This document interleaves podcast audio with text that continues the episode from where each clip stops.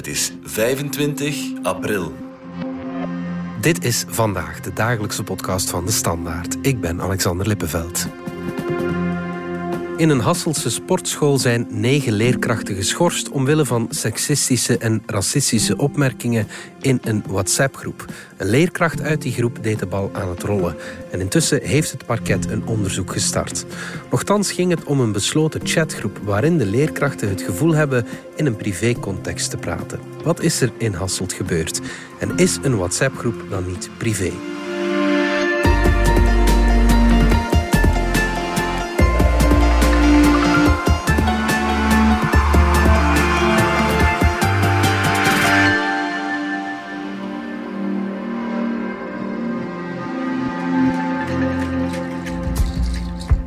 Geert Houben van het uh, Belang van Limburg. Jij volgt het schandaal rond de GO Next Sportschool als uh, crimi-verslaggever samen met je collega Philippe Berges. Zeg misschien even kort uh, waarover het gaat. ja, het gaat dus over intussen negen geschorste sportleerkrachten van de sportschool hier in Hasselt.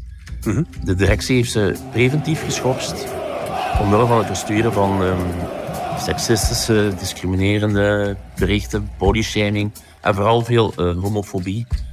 Over leerkrachten, over collega's dus, over uh, leerlingen. En dat hebben ze verstuurd in een private WhatsApp-groep. Ja, die ze de 12 hadden uh, gedoopt. Ja, die is, is inderdaad de 12 gedoopt.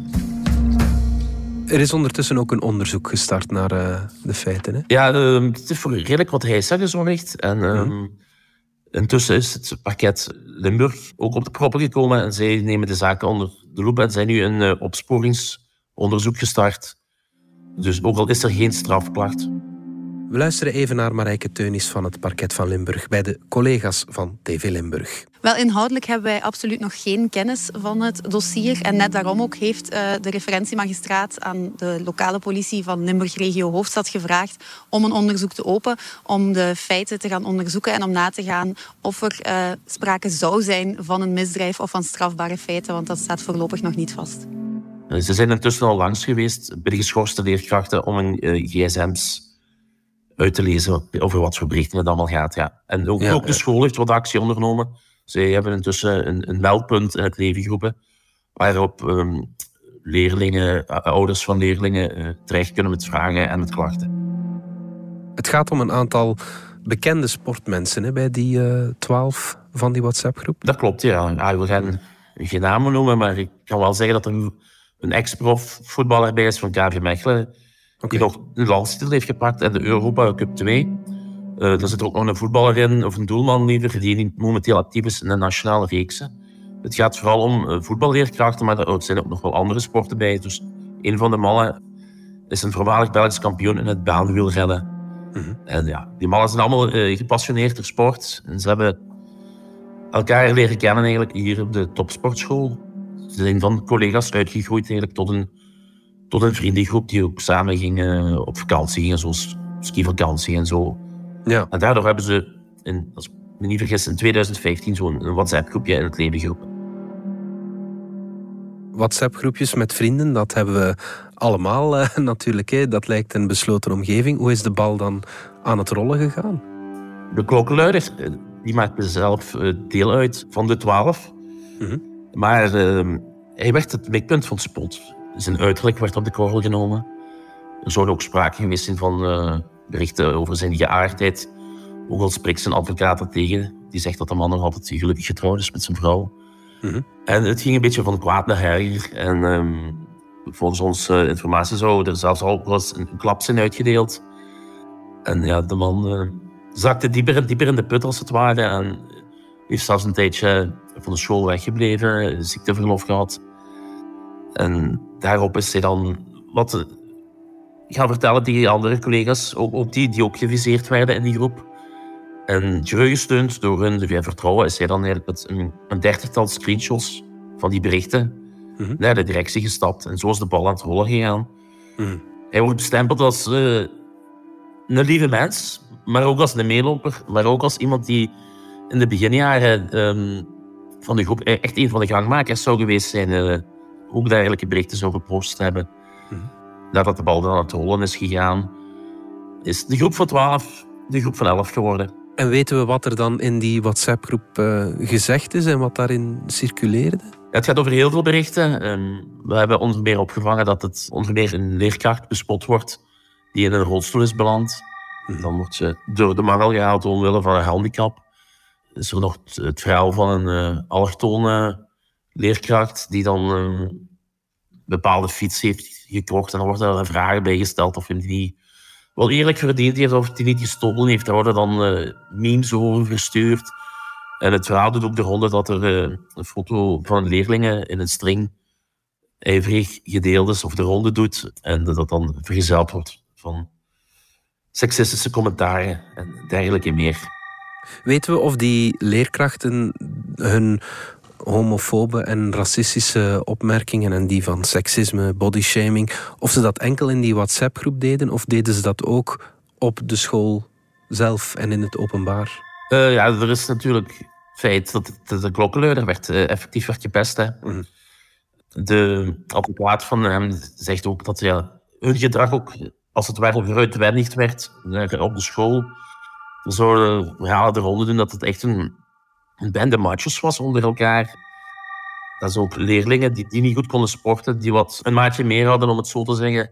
Mhm. Dat die zeker geviseerd werden. Meerdere opmerkingen naar het hoofd gesneerd kregen. Mooie studenten, die hadden ook een streepje voor. Daar uh, waren ze nog wel gevoelig voor, zal ik zeggen, om die, die voor te trekken, als het ware. Manon van Engelen van het Hasselse Regenbooghuis die was de gast bij TV Limburg. En ze maakt zich zorgen over het feit dat leerkrachten mensen met een voorbeeldfunctie dit gedrag stellen. Ik denk wel dat je, uh, als je een vergelijk bijvoorbeeld maakt met bijvoorbeeld de voetbalwereld of een andere sportwereld op hoog niveau, dat we allemaal wel weten dat het daar ook heel moeilijk is voor sporters om uit de kast te komen. Dat is ook niet voor niks. Dus die sfeer die daar omheen hangt, zal waarschijnlijk in de sportschool ook zo zijn.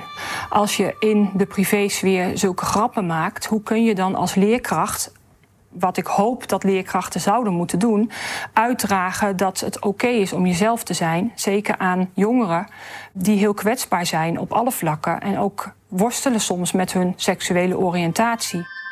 Geert, je zei het al, de leerkrachten bevoordeelden sommige leerlingen en benadeelden anderen. Gaat het om meer dan enkel die WhatsApp-berichten? Ja, de WhatsApp-berichten is natuurlijk wat ze als bewijs hebben, zal ik zeggen, waarmee ze naar de directies ingestapt. Maar ja, er doen dus verhalen eronder dat ze hun gedrag veruitwendigen op de school. Ze voelden zich een beetje ja, ongenaakbaar. En de arrogantie die droop er soms wat af. Vertellen sommige bronnen, ze liepen wat de kantjes af. Ja, ja. Maar, daar moet ik misschien ook weer bij toevoegen, dat de advocaat nu zegt dat ze steun krijgen van sommige leerkrachten, dat ze steun krijgen van ehm, leerlingen en oud-leerlingen. Dus ja, ook het Gelijke Kansencentrum Unia heeft een dossier geopend, want de impact is niet te onderschatten, dat zegt eh, Els Keitsman aan TV Limburg. We spreken hier over uh, leerlingen uh, en wij weten de impact van dit soort dingen, hè, de impact van discriminatie, de impact van hate speech, de impact zelfs al van microagressies, uh, die kan enorm zijn op, op degene die het moet ondergaan. En we mogen de psychosociale impact van racisme, van homofobie, van discriminatie zeker niet onderschatten.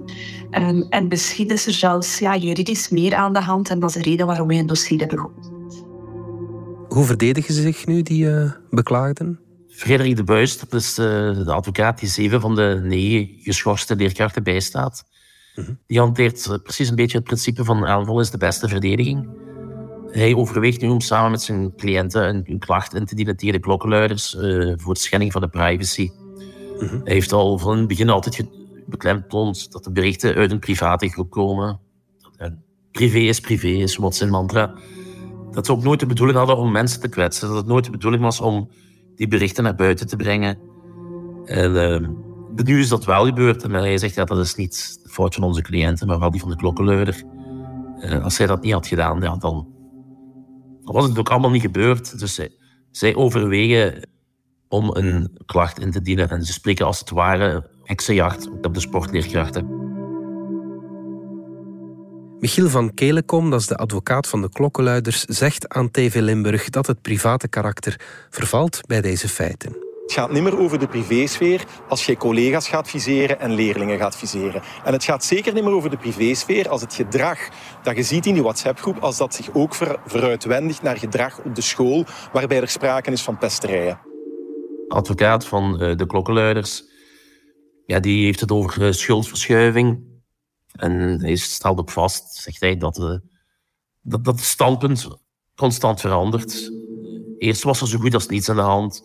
Dan ging het over uh, WhatsApp-berichten in de privésfeer die ze kwalificeerden onder de noemer van uh, slechte grappen. Mhm. En nu, nu plots gaan ze zich dan concentreren op de schending van de privacy en, en zwijgen ze dan over de inhoud van de berichten. Ja, hij, stoort zich eraan dat, dat ze zich niet de vraag stellen of ze iets fout hebben gedaan, maar nu wel de, de schuld en de schoenen van de, de proberen te verschuiven. Mhm. En hoe reageert de school op heel deze affaire? Ja, de school zit er heel verveeld mee natuurlijk. Eh, het gaat niet alleen om, om collega's, maar vooral om, een, om een leerlingen, eh, minderjarigen, die in een veilige schoolomgeving moeten zouden zitten. Maar ja, ze krijgen er af te rekenen met uh, discriminerende berichten, seksistische berichten, homofobe berichten. Net van de mensen die hen het goede voorbeeld moeten geven, die moeten helpen, die de rolmodel als het ware zouden moeten zijn. Maar in plaats van dat te zijn, uh, worden ze door hen uitgelachen. Dus ja, dat is zeer ambetant. En dan is het ook nog voor de directie is het ook nog een super moeilijk verhaal, ook nog eens, omdat zij ook heel veel geviseerd worden, omwille van hun geaardheid en omwille van bepaalde handicaps en dergelijke. Dus ja, okay, het zijn geen gemakkelijke tijden voor de sport, topsportschool hier in Ast. Begin mei komt de raad van bestuur eh, samen uh, en zij gaan dan een, een, oordeel vellen over wat er nu moet gebeuren met die leerkrachten. Dat kan gaan van een blaam tot ontslag. Maar zoals de verdediging het aanvoert, eh, zou het wel eens een lange procedureslag kunnen worden. Straks hebben we het nog over het private karakter van WhatsApp-groepen, maar eerst gaan we er even uit voor reclame. Overweegt een nieuwe bedrijfswagen? Dan wist u natuurlijk al dat vanaf 1 juli de aftrekbaarheid van plug-in hybride voertuigen jaarlijks daalt. Nu goed, fiscaliteit is uiteraard belangrijk, maar luxe en comfort zijn dat minstens evenzeer. En dat moet u gewoon zelf ervaren. Kom onze plug-in hybride en volledig elektrische Mercedes-Benz modellen testrijden tijdens de Electric Driving Days bij Hedin Automotive. Reserveer nu uw plekje achter het stuur op hedinautomotive.be.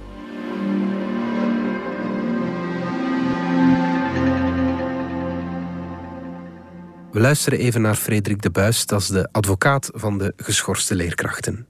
In een private groep kan men volgens mij nog altijd zeggen wat men wil. Uh, men heeft nog altijd een vrijheid van meningsuiting. Ze hebben nooit de bedoeling gehad om iemand te kwetsen of iemand uh, te pesten of wat, er, uh, wat dan ook. Ja, goed. Uh, hoe ver kan een werkgever gaan uh, in de inmenging in het privéleven van zijn werknemers? Is het de bedoeling dat er s'morgens op de, op de ontbijttafel een, een microfoon geplaatst wordt? Ik bedoel, allee, er zijn grenzen en volgens mij is de grens van het private overschreden. Chef Poppelmonde van onze binnenlandredactie, je zou denken, dingen die je in een WhatsApp-groep post, dat die ja, binnen de muren van de app tussen aanhalingstekens blijven, dat het om een privé-context gaat, maar dat is niet zo. Nee, dat is inderdaad niet zo. En sinds die zaak in Limburg zijn veel mensen daar blijkbaar toch wat onwennig uh, over geworden. Ja, je, je, zou wel denken van ik post iets, ja, voilà, dat ik, is ik, veilig. Ik, ja. sprak gisteren met een advocaat die zei alle cliënten zijn er hierover bezig. Iedereen ja. is plots, waarmee ze niet wilde insinueren dat alle cliënten ongepaste berichten sturen, maar toch, het creëert een zeker ongemak. Maar uh, klopt dus inderdaad, ja veel mensen hebben, zeggen die advocaat, een vals gevoel van veiligheid als ze in zo'n WhatsApp-groep zitten. Denken inderdaad, in zo'n privégroepje, daar mag ik alles zeggen, daar kan ik niet voor gestraft worden. Mm -hmm. Maar dat klopt dus inderdaad niet. Ja, oké. Okay. En is er dan een verschil tussen privéchats en groepschats? Is alles wat je op WhatsApp zegt dan... Ja, nee, er is een groot verschil blijkbaar tussen inderdaad één-op-één gesprekken of groepsgesprekken. Mm -hmm. Een één-op-één gesprek, dat valt onder het briefgeheim. Mm -hmm. um, en als uit een één-op-één gesprek iets naar buiten zou komen, dan zou het blijkbaar moeilijk zijn om daarvoor vervolgd te worden. Mm -hmm. In een één-op-één gesprek kan je meer zeggen dus dan in een groepsgesprek. Want een groepsgesprek, zodra er meer dan twee mensen deelnemen, mm -hmm. geldt dat als openbaar Ja, voor het strafrecht. Ja, dus dan Ehm, is er geen verschil tussen een groepschat en als je ergens op een marktplein iets staat te roepen door een megafoon. Dat is eigenlijk hetzelfde, juridisch dat komt gezien. inderdaad, juridisch gezien, zeggen, zeggen die advocaten, komt dat op exact hetzelfde neer. Ah ja, Racisme in een groepschat met, meer, dus met, met drie of meer mensen Ja. Staat op gelijke hoogte als racisme op het podium van het Sportpaleis, in een café, Ja, eh, in ja. een aula vol studenten. ja oké. Ik kan me nu wel inbeelden, chef, dat er veel mensen zijn die af en toe wel iets in een groepschat posten. Ja, dat, zoals wij het als eh, journalisten zeggen, niet voor publicatie vatbaar is. Heel veel mensen doen dat toch wel eens, denk ik. Ja, ongetwijfeld. Er zijn natuurlijk een aantal dingen belangrijk. Ten eerste, we weten niet precies wat er in die berichten van die Hasselts-leraren stond, maar volgens wat die directeur en de advocaten zeggen, gaat dat over echt wel serieuze Ja. uitingen van, van racisme, eh, seksisme, die volgens mij niet iedereen de hele dag in een WhatsApp-groep Nee, zit te nee, verkondigen. nu niet, ja. Het was ook al jaren aan de gang. hè. Het was niet één berichtje, het was blijkbaar eh, structureel. Ja. Tientallen berichten, eh, honderden berichten na elkaar. Ten tweede is er een, natuurlijk een klokkenluider, om nu zo te noemen, uit die WhatsApp-groep met die berichten naar de directie gestapt. Mhm. Het is niet zo dat politie zomaar plots iedereen zijn WhatsApp-berichten kan gaan nalezen. Mhm. Maar als iemand daarmee naar buiten komt, ja, oké, dan, dan gaat de bal wel aan het rollen. Ja. En ten derde, ja, de plek waar iemand racistische, seksistische uitingen doet, is dus inderdaad vanuit juridisch oogpunt irrelevant. Of dat nu op WhatsApp is voor het, of voor het Sportpaleis. Ja. Maar wat de inhoud betreft van dat racisme, dat seksisme, zeggen die advocaten, en dat is ook al meermaals gebleken, ligt de lat voor vervolging eh, in ons land nog altijd wel heel hoog. Ja. Het is niet zo dat elk mopje dat mogelijk racistisch, seksistisch ehm, genoemd kan worden, plots tot veroordelingen gaat leiden. Ja, want hoe vaak komt dat voor? Zijn er zoal Een zaken aantal, die... een ja. aantal de bekendste zaak die loopt is die tegen Schild en Vrienden. Een Ja. van extreme voorbeelden ook. Van Dries van Langenhoven. Voilà, Ja, ja, ja. voilà. Eh, In het verleden is er bijvoorbeeld een zaak geweest tegen een Mechelse politieagent Mhm. die in een eh, WhatsApp-gesprek een eh, foto had gepost van Ginny Beels, Mhm. vandaag schepen in Antwerpen, destijds politiecommissaris in Mechelen. En hij had erbij geschreven, moet ik jou een hand geven, jouw kleur staat mij niet aan. Hmm. Hij is vervolgd daarvoor, maar uiteindelijk niet veroordeeld, Mhm. omdat hij de rechter ervan heeft kunnen overtuigen dat het, om het nu zo te benoemen, maar om te lachen was. Ja. Er was geen bewijs, zei die rechter, dat er een intentie was om aan te zetten tot haat, tot discriminatie. ja. En dat is een voorwaarde om het effectief strafbaar te maken. Dus het komt zelden tot een veroordeling. Het komt zelden tot een veroordeling, omdat inderdaad die intentie er moet zijn. Dus Ja. het is niet zo dat elk mopje vandaag strafbaar is en dat we dus niets meer mogen zeggen. Ja, oké. Maar soms wordt er wel veroordeeld. Ja, als dus inderdaad, zoals ik zei, er een duidelijke intentie is, aangetoond kan worden dat mensen ja, tot actie wilden aanzetten, tot discriminatie, tot haat. Zo is er bijvoorbeeld in 2019, heeft de rechtbank in Gent een aantal jongeren veroordeeld eh, die het in een kleine chatgroep met twintigtal mensen hadden over Roma in hun stad. Mhm. En ze schreven onder meer dat ze die gewoon zouden gaan buitenmappen. Ja. En dat is tot een veroordeling gekomen, omdat het inderdaad, dat is een expliciete oproep tot actie, zoals de rechtbank dat dan benoemd heeft. Ja. En dat is iets anders. En dat is dan inderdaad wel strafbaar. ja. Chef Poppelmonde, dankjewel. Dit was vandaag de dagelijkse podcast van De Standaard. Bedankt voor het luisteren.